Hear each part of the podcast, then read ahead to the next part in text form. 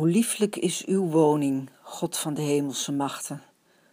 Van verlangen smacht mijn ziel naar de voorhoven van de eeuwige. Mijn hart en mijn lijf roepen om de levende God. Zelfs de mus vindt een huis en de zwaluw een nest waar ze haar jongen neerlegt.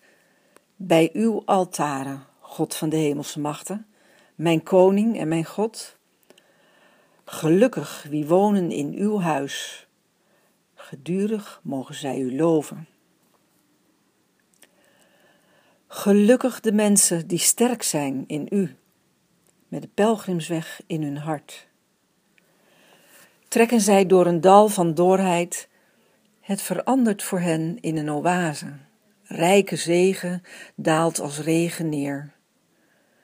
Van kracht tot kracht gaan ze voort om in Sion voor God te verschijnen.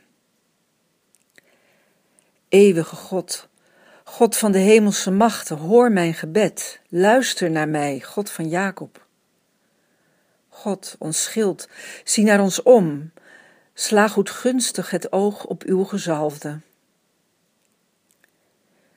Beter één dag in uw voorhoven dan duizend dagen daarbuiten. Beter op de drempel van Gods huis dan wonen in de tenten van de goddelozen. Want God de Eeuwige is een zon en een schild. Genade en glorie schenkt de Eeuwige. Zijn weldaden weigert hij niet aan wie onbevangen op weg gaan.